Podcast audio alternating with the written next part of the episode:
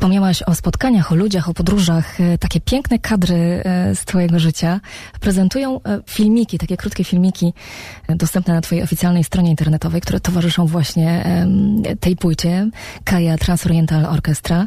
Przypomnę, że premiera za kilka dni, 5 listopada dokładnie.